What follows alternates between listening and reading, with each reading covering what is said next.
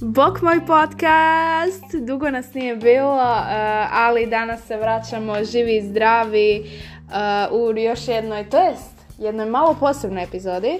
Um, kao što znate, uh, prije svake nove sezone, što se ukupno jednom dogodilo, ali nema veze, um, imamo jednu blagu najavu sljedeće sezone, tako da ovu sezonu bringamo malo, zanim, e, malo zanimljivije teme, malo ćemo biti ludi ovaj, i evo e, krećemo sa našom novom e, najavom za treću sezonu Lesbe i Tračeva. Let's go, idemo tvrdo um, i evo nas akcija.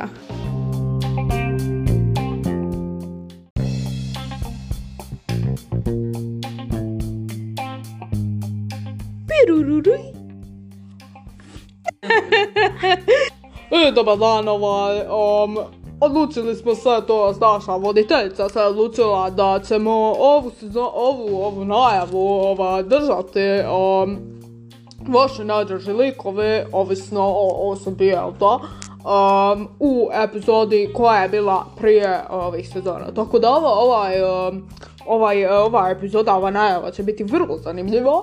I um, evo, prva osoba kao što čujete jer me volite, jako, jako volite svojeg najdražeg voditelja Branka. Branko, um, evo, ja sam Branko, predstavite se nadalje.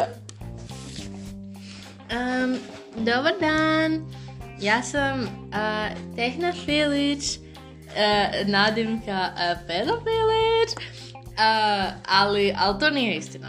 Ja, ja znam, mi smo dobivali neke porukice. E, dobro, sutate, gospođa. A, ovaj. da, da, šutite.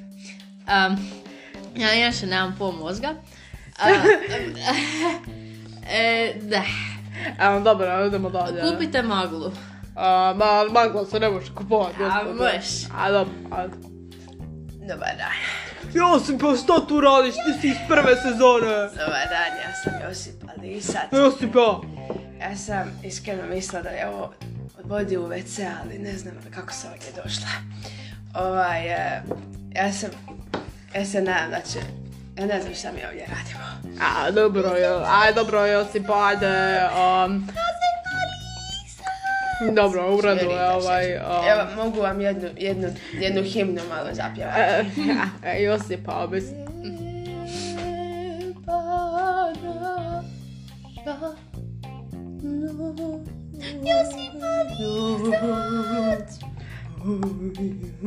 E, Dobro, dobro, gospođo, gospođo, dosta je, dosta je Josipa, bilo bi dosta. um, ovo nije bila planirana osoba za danas, ali dobro, ajde.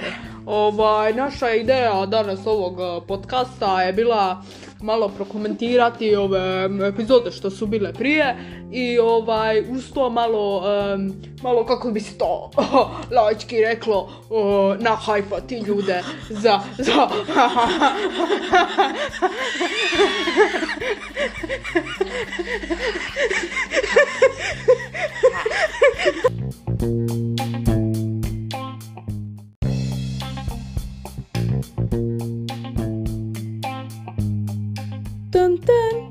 Um, imali smo malih tehničkih poteškoća kao što to inače bude, ali ovaj, evo, malo smo se vratili nazad, ovaj, ovaj, e, pa mi, ova epizoda je za mišljenja, to, to sam već rekao, dobro, idemo na komentiranje, uh, o, idemo, idemo, na komentiranje ovih, um, je ovo još uvijek snima?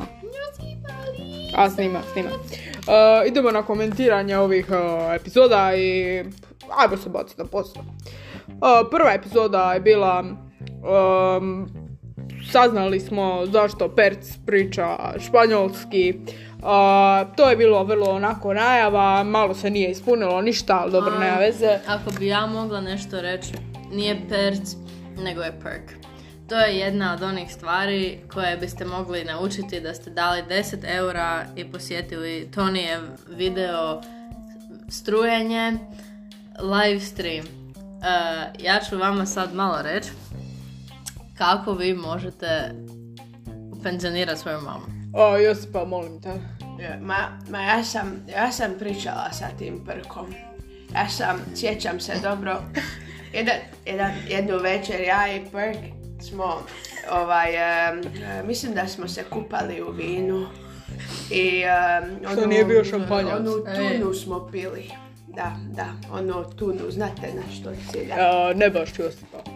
Ma, trebate probat, eh, pra- prava dekadencija.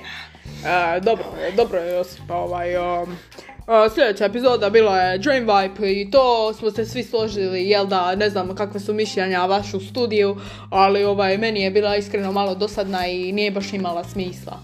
Nisam ju nikad čitao, slušala nakon što je snimljena. Ja, dobro rekao. Drain Vibe.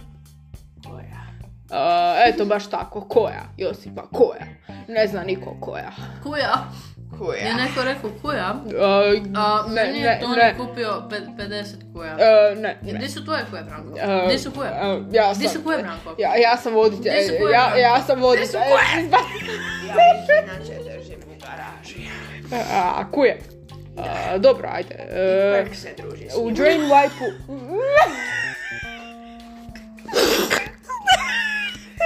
Čekaj, wait, wait, ne mogu zaustaviti.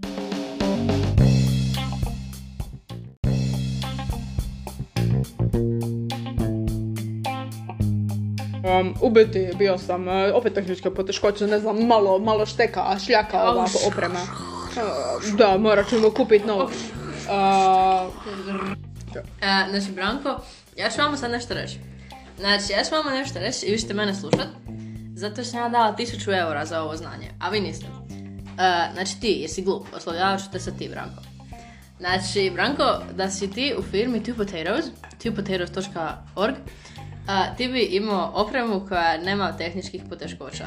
To znači, a, ti bez dobre oprema podcast dobiva nula listena mjesečno.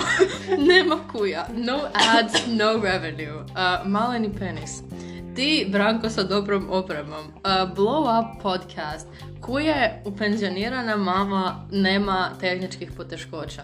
Za 5 eura, Branko. Velik penis. A, malo, Ve- ste, velik malo ste smanjili cijenu od uh, Two Potatoes podcasta, koliko ja znam. Ja sam slušala 10 puta, svaki put kažeš 10 eura. Na, Kako, kako, tu kenjus? Ljudi moram vas požuriti jer ovo je ipak najava ovom. znači, kupi Ne, ne, ne, opremu si glupa. e, e, pedofilić. Pedofilić. Ok, um, idemo dalje na... Ne, ne, ne. Uh, Jos- Josipa, moramo ići na pronađen put jer mi je predug, preduga mi je epizoda. Pronađen put, naravno, najbolja epizoda jer sam ja u njoj, ha, ha, ha, baš najbolji voditelj, kako vi mislite? Ne sjećam vas se. Ja sam vodio cijelu epizodu, kako mislite, ne sjećate se? Ne sjećam. Ja se sjećam onog, onog lika koji se dero, ono neki, neki, neki dobar klinac, ne sjećam se točno koji.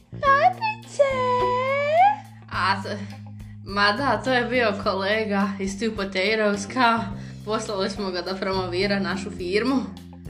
Pa kao ono, a, to, to, Tonijevo srednje ime je Patrik.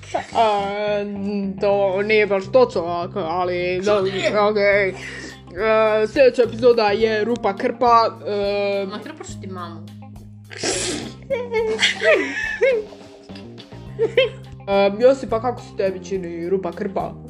E, Ja mislim da je to jako edu, edukativna epizoda. E, Josipa, jesi ti čitala Rupa, slušala Rupa Krpa epizodu?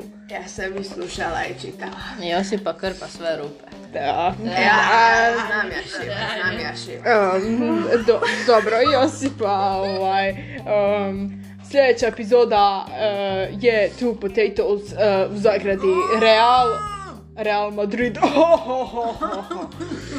Zato su me stavili ko voditelja da budem ovako smiješan. um, pedofilić, uh, ti si u toj epizodi, šta imaš za reći, kako je bilo snimanje te epizode? Pa, evo, um, indoktrinirali smo jednu m- mladu članicu u našu grupu i ona sada prodaje Ne, bila je ženska. ga, um, članica Gabić Pahić. Gabić Pahić je bila žensko. E, čekajte malo. E, zaključili smo nakon ove rasprave da je Gabić Pahić ipak bila žensko. Mislim, u početku je bila muško, ali malo Ali kasnije mi žensko. to inače ne podržavamo. Um, m, pedofilić, um, imala si svoje vrijeme za... uh, Ja to ne podržavam, to je uh, bolesno. pe- pedo- ok, Uh, Jo- Josipa, uh, šta misliš o toj epizodi? To je zadnja epizoda koja je snimljena. Em, ja mislim da se da vrijedi investirati. M, dobro je Josipa, dobro. Moje, treba još kuja u garaži, ima mjesta. A, dobro je I, i Josipa, ovaj. vrtić tamo čeka. A, da, dobro je Josipa, ovaj. Am, pa sad idemo a, individualno, ovaj, a, koja vam je omiljena epizoda, a meni je naravno pronađen put zbog a, baš onog nekakvog am, vrlo, vrlo autentičnog zvuka i isto tako velike kvalitete ove opreme. Am, dalje, pedofilić. Ja volim tvoju mamu.